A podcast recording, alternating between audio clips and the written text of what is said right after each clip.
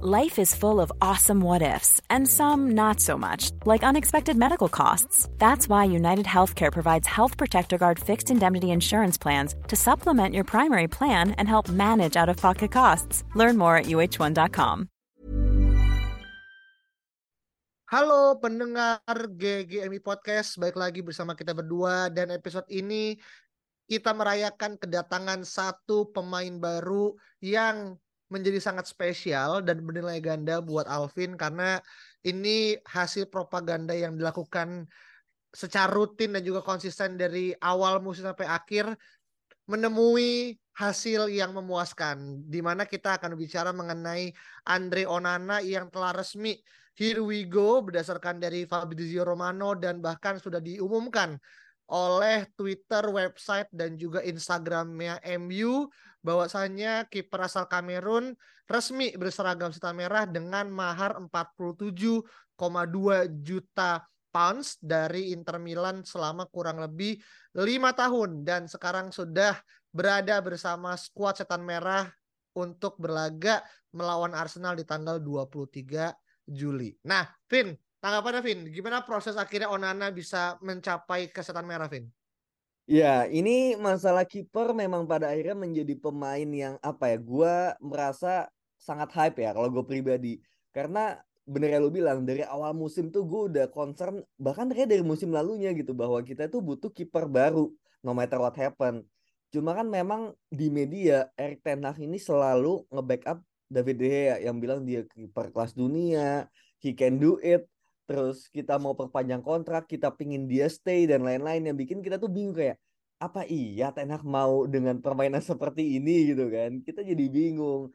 Cuma somehow dengan um, musim berjalan dan kemudian musim berakhir yang makin um, apa ya kayak si David Dea ini selain daripada dia tidak bisa build up ternyata blundernya juga makin konyol gitu loh. Yang bikin jadi kayak kasarnya tuh udah nggak ada yang bisa diselamatkan lagi lah dari permainannya gitu loh. Jadinya gue merasa Ten Hag juga pasti udah mulai pasti waras lah gitu kayak wah nggak bisa nih musim berikutnya begini gitu. Dan kemudian um, terjadilah gitu. Ketika menuju akhir musim kita semua deg-degan kayak ini deh ya nasibnya gimana? gitu kayak kayak katanya mau mau perpanjang kontrak tapi kok lama banget nih mau signnya gitu. Dan gue juga merasa kayak gue jadi teringat kasus Ronaldo kan yang di media itu dipuji habis-habisan tapi ternyata di belakangnya ya ditendang juga. Di situlah gue merasa kayak oh kayaknya Ten Hag tuh memang pinter dalam bermain di depan media. Jadinya ketika pada akhirnya kabar David De Gea ternyata nggak jadi perpanjang kontrak dan kemudian langsung beralih ke Andre Onana, gue sebenarnya nggak heran gitu dengan cara seperti itu gitu. Tapi di mana akhirnya kita menggait Andre Onana, waktu itu kita juga pernah take ya di episode kesekian bisa dicari itu ketika rumornya itu masih apa ya masih dikit banget di Twitter itu dan kita spekulatif langsung bahas Onana gitu. Dan di situ terlihat bahwa gue sangat excited untuk Andre Onana tapi satu sisi gue juga nggak yakin bahwa dia akan datang gitu. Karena nggak yakin MU bakal sepintar ini gitu loh untuk menggait Onana dalam jangka waktu yang sangat cepat bahkan bisa langsung masuk ke US Tour gitu jadi ya gue pribadi sangat sangat sangat senang sih. Hmm oke okay. jadi ini adalah momen di mana atau hari lebih tepatnya yang dinanti sama Alvin dan juga mungkin teman-teman apa ya bisa dibilang revolusioner tentang bagaimana akhirnya kiper menjadi bagian vital dari proses pembangunan serangan dari suatu tim dan MU di bawah naungan Ten Hag sangat menekankan setiap departemen itu punya peran ya nggak cuman kiper hanya bermain di kotak penalti which mean berarti bertahan tapi juga bisa build up. Dan itulah yang kita pengen saksikan kan. Dan potensialnya kita akan menantikan pertandingan pertama Onana kalau diturunkan karena juga sekarang gue lihat dia juga udah mulai latihan ya bareng sama oh. first team squad gitu. Dan dengan apa yang dilakukan ketika dia keluar dari mobil menggunakan baju away-nya ya ya kan tertnya itu itu salah satu masterpiece yang bahkan gue jadi wallpaper HP gitu ya. saking gue juga akhirnya satu gue mungkin nggak se hype Alvin tapi gue ngelihat lebih ke estetikanya bagus dan cocok aja gitu kita akhirnya punya kiper baru setelah 12 tahun kita bisa dibilang ya inilah serving David De Gea sebagai nomor satu gitu. Tapi gini, kalau kita ngeliat Onana as in dia as a player, dia kan juga udah pernah kerja ya bareng sama Ten Hag dan selama di Ajax dia itu telah menangkan uh, tiga league titles, dua KNVB Cups dan juga mencapai semifinal bareng di Liga Champion bareng sama Ajax di tahun 2019 setelah sebelumnya kalah kan sama Tottenham Hotspur ya kalau nggak salah ya. Oh. ya kan? Dan dengan drama yang gue cukup lupa tapi ada dramanya lah di pertandingan semifinal gitu yang mana mereka udah punya koneksi bareng gitu. Nah lu ngelihat ini sebagai satu sisi poin positif karena Ten Hag sekali lagi bereuni dengan orang yang pernah dia tangani atau sisi lain ini justru jadi semakin menekankan kalau Ten Hag tuh hanya mau mendekatkan dia dengan circle-circle yang udah CS lah gitu. Yang ini juga menjadi satu ketakutan kalau kita nggak bisa dapat pemain lain ya selain daripada apa yang Ten Hag mau gitu. Lalu gimana ngeliat Vin dari dua ini Vin? Ya, um, sebenarnya ini juga lagi-lagi pisau bermata dua ya. Kita bisa melihat dari sisi positif dan juga negatifnya. Kalau positifnya, mungkin memang pada akhirnya gimana ya? Kalau memang kita merasa Ten Hag ini bagus, ya udah kita percaya aja bahwa pemain yang diinginkan itu pasti bagus juga gitu.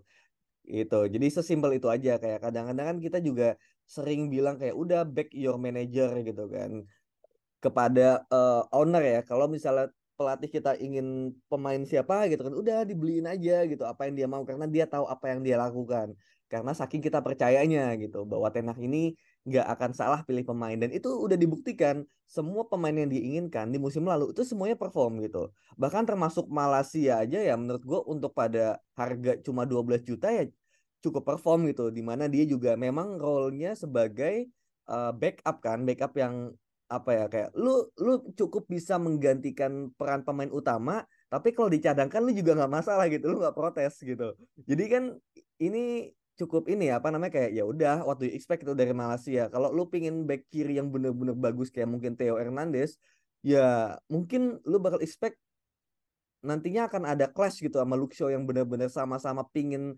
posisi satu gitu loh di back kiri dan itu kan bisa bahaya kalau tidak ditangani dengan baik gitu. Gitu. Jadinya menurut gua um, positifnya di situ ya bahwa apa yang diinginkan itu pasti bagus dan kalau negatifnya menurut gue lebih kepada ya yang gue pernah bilang kan kita nggak bisa menjangkau pemain-pemain lain nih yang sebenarnya bagus juga tapi nggak dilirik ya gara-gara kita terlalu fokus dengan circle-circle tertentu gitu yang mana sebenarnya nggak masalah cuma kayak kurang variasi aja kasarnya kan kayak hmm. kita udah Ajax Baun ini udah banyak banget udah ada Ten Hag, Onana, Martinez, siapa lagi? Donny van de Beek. Udah van de Beek bukan pilihan dia juga sih gitu kan. Hmm. waktu itu kan. Uh, bahkan Malaysia juga Belanda connection. Erikson juga dulu pernah di Belanda juga gitu kan. Pernah di Ajax. juga ex Belanda juga kan VTC ya. kan? Iya Mason Mount juga ternyata udah di scout juga. Ternyata ada historinya gitu. Gitu. Nah cuma emang menurut gue emang nggak semua gitu. Kayak Casemiro enggak nanti misalnya Hoylund itu juga enggak kan gitu dan apa namanya kayak Diogo Dalot yang mana dia juga sangat suka gitu. Ternyata emang nggak ada koneksi apa apa sejauh ini gitu. Jadi memang mungkin majority tetap Ajax bound uh, Hal Haaland bound tapi kalaupun enggak juga um, tetap bagus gitu. Cuma preferensi aja. Dan itu selama Ten Hag bisa membuktikan bahwa apa yang diinginkan ini terbukti ya nggak masalah sih. Mm-hmm. iya, iya, tinggal tinggal iya, ini iya. sih tinggal apa yang menurut gua ini kan baru dua musim ya. Jadinya apa ya kayak lu tuh butuh short apa ya short term fix gitu loh untuk bagaimana hmm. lu membangun tim. Nah ya. kan kan yang pernah gue bilang pelatih sama tim scoutnya kayaknya ini belum align gitu loh harus mencari pemain seperti apa jadi pelan-pelan lagi diperbaiki preferensinya kacar lo main FIFA tuh preferensinya satu-satu punya leadership punya kema apa keinginan untuk bermain untuk tim apa sampai mati-matian misalnya nah banyak trades trades yang harus diubah gitu jadinya sekarang udahlah karena lu dua musim ini harus membangun tim secara cepat udahlah percaya gue aja gitu tapi nextnya nanti kita bakal cari pemain yang lebih variatif kayak Jion Suzuki kayak gitu misalnya hmm, oke okay. ya ini menarik nih karena nama terakhirnya adalah nama yang eh, nggak pernah masuk ke radar tapi tiba-tiba muncul dan katanya iya. semakin dekat tapi itu kita coba bahas di lain dan kita udah bahas juga ya masalah Suzuki kan di episode kalau nggak salah lima episode sebelumnya. Tapi balik ke Onana, as in dia kalau kita ngomongin record dia sebagai player, dia itu dari 255 penampilan dia secara profesional melakukan clean sheet kita sekitar 104. Jadi mungkin kurang lebih di angka 45% lah ya dari pertandingan dia berhasil clean sheet dan di musim lalu di Liga Champion dia itu menjadi satu-satunya kiper yang mendapatkan quote unquote ya best clean sheet. Dengan 8 clean sheet dari 13 pertandingan yang mengantarkan Inter Milan masuk ke tahapan final kan melawan City yang di mana kalahnya juga sangat tipis kan uh, uh, waktu di final gitu. Dan bahkan Pep Guardiola kan bahkan memberikan sanjungan ya kamu lu nggak bisa gitu uh, apa namanya main-main sama kiper sekelas Onana yang sangat-sangat berani ya gitu ya. Uh, untuk akhirnya bermain di tiga berempat kotak dan ini adalah suatu hal yang bahkan sekelas Pep ketika memberikan sanjungan berarti kan dia tahu dia uh, pemain tersebut punya kualitas gitu. Nah, apa yang akhirnya lu ekspektasikan dari Onana let's say pada pramusim dan ini bisa menjadi suatu gambaran tentang archetype MU yang akan bermain jauh lebih formatif ya untuk di, untuk di musim depan Vin. Iya, um, Onana kemungkinan ya di pramusim ini kan bakal mungkin ya debutnya melawan Arsenal yang mainnya di hari Minggu jam 4 pagi gitu kemungkinan gitu. Gue berharapnya langsung starter tapi nggak bisa berharap juga karena dia baru banget join latihan baru banget um, landing juga kan di US gitu. Jadi kayak apakah kebugarannya sudah cukup Life is full of awesome what ifs, and some not so much, like unexpected medical costs. That's why United Healthcare provides Health Protector Guard fixed indemnity insurance plans to supplement your primary plan and help manage out of pocket costs. Learn more at uh1.com. There's never been a faster or easier way to start your weight loss journey than with PlushCare PlushCare accepts most insurance plans and gives you online access to board-certified physicians who can prescribe FDA-approved weight loss medications like Wigovi and Zepbound for those who qualify. Take charge of your health and speak with a board-certified physician about a weight loss plan that's right for you. Get started today at plushcare.com slash weight loss. That's plushcare.com slash weight loss. plushcare.com slash weight loss.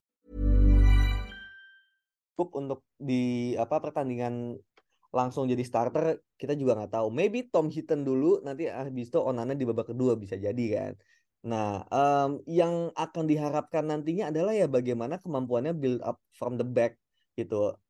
Satu hal yang benar-benar memang selalu di ini ya diomongin ya sama Ten Hag ketika di interview dan juga apa namanya public statement gitu di sosial media juga gitu bahwa dia menginginkan total kontrol dan itu harus dibuat dengan ya lu bisa build up from the back gitu. Benar-benar dari kiper dan Andre Onana sangat bisa melakukan itu. Bahkan kemarin kita nonton lawan Lyon aja seorang Matei Kovar aja bisa gitu loh. Apalagi Onana gitu loh yang memang kelasnya udah jauh di atasnya Kovar gitu. Kovar yang 23 tahun bermain di Liga Ceko bisa juara. Itu aja kemarin kita lihat dia bisa melakukan sebuah passing yang bahaya banget ke Lica dan Lica tuh dengan mudahnya bisa langsung bikin body feint yang ya oke okay, gitu. Itu yang akan kita lihat sehari-hari nantinya gitu loh. Tiap minggu dengan Andre Onana bagaimana ya kita nggak akan long ball long ball nggak jelas yang akhirnya bolanya hilang gitu. Kalaupun long ball ya itu nantinya bakal langsung direct ke penyerang ataupun ke sayap gitu yang mana ada tujuannya gitu loh. Emang ada tujuan yang long ball tersebut. Tapi kalaupun nggak long ball ya kita akan melihat lebih banyak di hal hal-hal seperti lawan Lyon dan juga Leeds kayak kemarin benar-benar dari belakang. Dan itu sangat membuat kita punya kontrol gitu loh. Kita nggak akan kehilangan bola dengan mudah unless memang ya kerebut aja gitu loh. Tapi nggak akan buang-buang bola secara percuma lagi. Itu sih satu sisi yang gue lihat. Mm-hmm. Iya iya iya iya. Ini adalah hal yang tentunya kita melihat kiper tuh nggak bisa satu dimensi ya. Sekedar shot stopping dan juga hal-hal yang bisa juga konservatif goalkeeping lah. Sekarang kan udah mulai modern dan bahkan ini gue baca dari beberapa jurnalis ya terkait dengan kenapa akhirnya Onana tuh disebut dengan modern goalkeeper gitu. Karena ya tadi ball distributionnya terus dia juga bisa akhirnya ngelakuin intercept kan ketika akhirnya misalkan uh, garis pertahanan terlalu maju sedangkan yes. tim lawan melakukan counter attack yang kita lihat pada saat lawan Lyon gitu kan. Dan mungkin pertandingan sebelumnya di pramusim kan juga sering tuh beberapa kali kita ke bablasan lah ya maju hingga akhirnya ini. Dan gue juga nggak tahu apakah uh, di MU sendiri juga udah mulai menerapkan skema yang modern karena Yoel di bawah naungan Ten Hag. Jadi semua kiper dari akademi bahkan yang U17 gitu sampai U23 tuh udah mendapatkan setelan publik yang sama gitu loh Fit. Hmm, hmm. Apalagi dengan dari Onana kan berarti kan standar kan paling tinggi itu ya. Terus kayak pasti kan semua kan lihat lihat lihat lihat lihat lihat dan ujungnya akan jadi replikat gitu kan. Nah, ini yang mungkin gua ngerasa ini efek domino ya, efek laten dari kedatangan Onana adalah membuat standar yang baru gitu. Yang emang akhirnya nggak dimiliki dan untuk usia Onana yang sekarang 27 tahun yang mana usia, usia kiper juga let's say bisa sampai umur 40 ya gitu. Kayak Hmm. Buffon gitu kan. Berarti kan sebenarnya kita masih bisa mendapatkan jasa atau service Onana minimal 10 tahun ke depan ya. Minimal gitu kan. Dalam arti maksimal bisa lebih tinggi lagi gitu. Jadi ini hal yang sangat menarik banget gitu. Apalagi kayak setahu gue ya, Onana itu kan kiper pertama MU yang datang dari Afrika kan. Sebelumnya Ya. kita punya kan. Sebelumnya kita nggak punya kiper dari Afrika gitu. Kebanyakan ya dari Eropa gitu kan atau at least kita pernah dari Amerika Latin ya seingat gue ya gue lupa satu orang tapi lainnya udah gitu Dari kita Amerika ada tuh si Tim Howard kan. iya iya tim Howard eh, zamannya era 2003an berarti kan segala Hmm. macam dan ini adalah history breaker berarti buat Onana dan yang gue somehow tuh buat orang Indonesia tuh Onana akan sangat lekat karena kakaknya Onana kan pernah main ya untuk eh, apa sih Persikat Kabupaten Depok ya kalau gue nggak salah dan Ya. bagaimana story ah, kakaknya Onana tuh memberikan sarung tangan dan juga jersey kepada Onana waktu akhirnya bisa masuk akademi Barcelona tuh menurut gue adalah butterfly effect nih Onana tuh lah dibelikan em, dibelikan sarung tangan gitu mungkin kalau kakaknya nggak kasih sarung tangan mungkin Onana nggak akan di MU gitu Iya.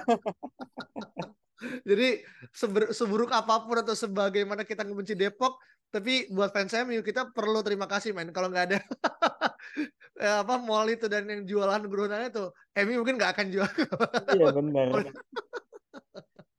Iya iya iya iya. Oke, itu tentang ini ya apa kilas balik dan juga teman-teman pasti tahu lah tentang bagaimana Onana ini hadir. Nah, eh, ini sekarang gini, kalau misalnya pertanyaan terakhir buat lu terkait dengan eh, ini kan itu juga masih pramusim ya dan mungkin masih terlalu dini untuk kita menilai. Tapi apa yang akhirnya lu nilai 0 sampai 10 Onana bisa excel dan juga surprising the expectation dia nggak berapa Vin? Untuk musim depan Vin. Hmm, oke, ini agak sulit ya karena sejujurnya kalau memprediksi pemain itu akan seperti apa itu susah banget gitu. Kalau misalnya ekspektasi, kalau ekspektasi udah jelas ya kayak dengan kemampuannya gitu, kita bisa melihat bahwa nantinya akan sangat-sangat fit dengan sistem dan kita akan bermain jauh lebih bagus, jauh lebih mengontrol pertandingan gitu ya. Ekspektasinya begitu kan. Cuma realitinya tetap aja gitu namanya liga baru, kemudian juga eh, ketika kita menguatkan squad, tim lain juga menguatkan squad gitu. Contohnya Arsenal gitu. Dan kita akan menghadapi mereka di hari Minggu nanti gitu. Jadi benar-benar eh, mereka juga menguatkan kan dengan ada Timber, dengan Declan Rice dan juga Havertz gitu. Kita ada Onana sama Mason Mount ya. At least 3 lawan 2 pemain barunya udah oke lah nggak masalah. Jadinya kayak ya kita sama-sama menguatkan. Bisa aja kita ya bagus ternyata tim lawan lebih bagus lagi gitu karena udah curi start lebih awal dan juga lebih banyak amunisi barunya gitu. Cuma nggak masalah asal kita juga tetap bisa play our games dan ekspektasinya memang sangat tinggi gitu. Bisa secara konsisten bermain dari belakang dan juga memang akhirnya bola tersebut tuh benar-benar bisa sampai ke depan gitu loh, dan bisa sampai membuat peluang gitu. Dan udah lebih bagus seperti itu tinggal bagaimana nantinya ketika kita bisa sign penyerang nantinya kayak build up from the back ini bisa menghasilkan peluang yang lebih matang lagi dan bisa menghasilkan gol gitu. Jadi jangan sampai kita cuma bisa nantinya bisa build up from the back, progresi bola sampai depan, bikin peluang, tapi karena penyerangnya nggak ada, akhirnya kita nggak bisa golin gitu. Itu kan sayang banget gitu. Kita cuma uh, missing last pieces of the process aja gitu. Jadinya gue berharap dengan adanya Onana kita bisa lebih bagus lagi dalam build up, dengan adanya Mason Mount bisa lebih bagus lagi dalam pressing, merebut bola dan juga progresi ke depan dan nantinya kalau ada penyerang ekspektasinya adalah kita bisa cetak gol. Jadi berkesinambungan dari belakang sampai ke depan. Hmm, oke. Jadi kayak semacam chain ya. Kita Iya. ngebangun rantai yang end to end itu bener-bener ada produknya gitu, nggak yang cuman dari back ke depan atau ke striker tapi juga dari kiper gitu. Karena kan itu adalah hal yang menjadi salah satu kekuatan dari sepak bola modern adalah semua itu berirama dari belakang ke depan. Dan kita juga lihat ya dari pertandingan lawan Lyon kemarin banyak banget chance yang akhirnya kita dapat di 10 menit awal ya. Dan kebetulan gue sama Alvin nonton bareng jadi 10 menit di awal tuh udah ada 4 ya, 4 sampai 5 kan. Itu kalau ki- kita menyanyiakan peluang itu di Liga Inggris kayak gitu. Berat kayak kita akhirnya berpikir kita bisa compete sama City yang punya Halan dengan 40 gol semusim. Iyalah ya kan kita nonton juga sebel kan kayak kita udah teriak-teriak di 10 menit awal tapi masalahnya abis itu 35 menit setelahnya tuh kita udah nggak bisa bikin peluang yang sebagus itu lagi gitu loh. Dari peluangnya Amat, Sancho, siapa lagi kemarin? Eh, siapa lagi sih yang main anjir gue lupa. Em, Iya sama Sancho, uh, Anthony. Anthony, hmm, Iya banyak banget kan gitu dan itu kan PR juga gitu. Bagaimana kita udah bisa nih bangun dari belakang ke tengah ke depan eh depannya masih juga tumpul gitu. Sayang aja kalau kita nggak ada end produknya gitu. yes yes dan kemarin pun juga kita cuma bisa menang satu kosong dari sepak ini ya apa uh, half volley-nya Donny van de Beek gitu kan dan ini menurut gua adalah hal yang perlu menjadi catatan gitu dan kita lihat nanti gimana kira penampilan pertama Onana dan gue sih cukup yakin ya uh, Onana akan main lawan Arsenal gitu uh, sebagai berapa menit ya? Apa? Terlepas dari berapa menit mainnya. Iya, heeh. dan ini mungkin lebih kepada lip service, eh bukan lip service sih, gimmick kali gimmick marketing karena kan juga pas banget ya di US dan hype juga gitu. Dan menurut gue sih eh, kita tandingkan lah ya nanti pagi, kita tag Oh, di tanggal 22. Dan Apa? uniknya ya, uniknya tuh Onana beneran pakai nomor 24 ya gitu kan. Nomor yang dia pakai di Ajax dan juga di Inter gitu. I mean jarang kan kita sign kiper dan dia akan menggunakan nomor besar gitu untuk pada Iya. akhirnya kita jadikan kiper utama gitu. Iya, iya, iya. Nah ini nomor satunya nih berarti yang akhirnya seolah jadi kayak ber- nggak bertuan kan setelah David De Gea kan.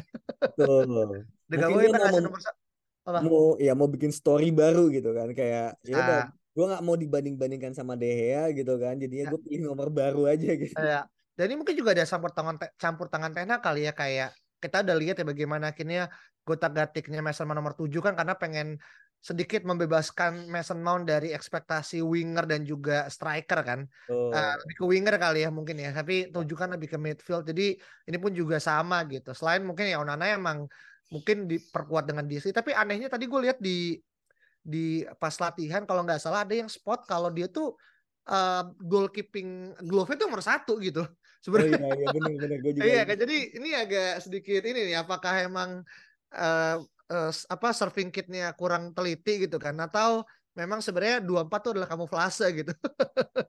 Tapi kan Segala 24 juga udah diumumin bagian dari jersey-nya kan. Iya sih. Iya, jadi benar, eh, benar, eh, benar. Nggak Hmm. mungkin ganti lagi sih kayaknya sih. Iya itu kayaknya bekas ah ini masih join gue buat dulu ya ternyata kan cabut ya gitu. Jadi daripada nggak kepake kan pakai aja dah lu pelatihan segala macam. Tapi kita nggak pernah tahu ya nanti apakah juga akan masih terulang nanti pas saat eh, apa pramusim selesai dan udah di Carrington kita lihat apakah nanti jersey sama apa enggak. Dan itu aja teman-teman kalau punya pendapat berbeda dan juga mau menanggapi keseruan tentang bagaimana kira MU dapat Andre Onana sebagai penjaga gawang utama MU nomor satu di musim depan silahkan komen dan jangan lupa untuk follow kasih bintang 5 dan juga share ke teman-teman lainnya jika lo suka dan kita ketemu lagi di episode berikut ya. Bye bye. Even when we're on a budget, we still deserve nice things. Quince is a place to scoop up stunning high-end goods for 50 to 80% less than similar brands. They have buttery soft cashmere sweaters starting at $50, luxurious Italian leather bags, and so much more. Plus, Quince only works with factories that use safe, ethical, and responsible manufacturing. Get the high-end goods you'll love without the high price tag with Quince. Go to quince.com slash style for free shipping and 365-day returns.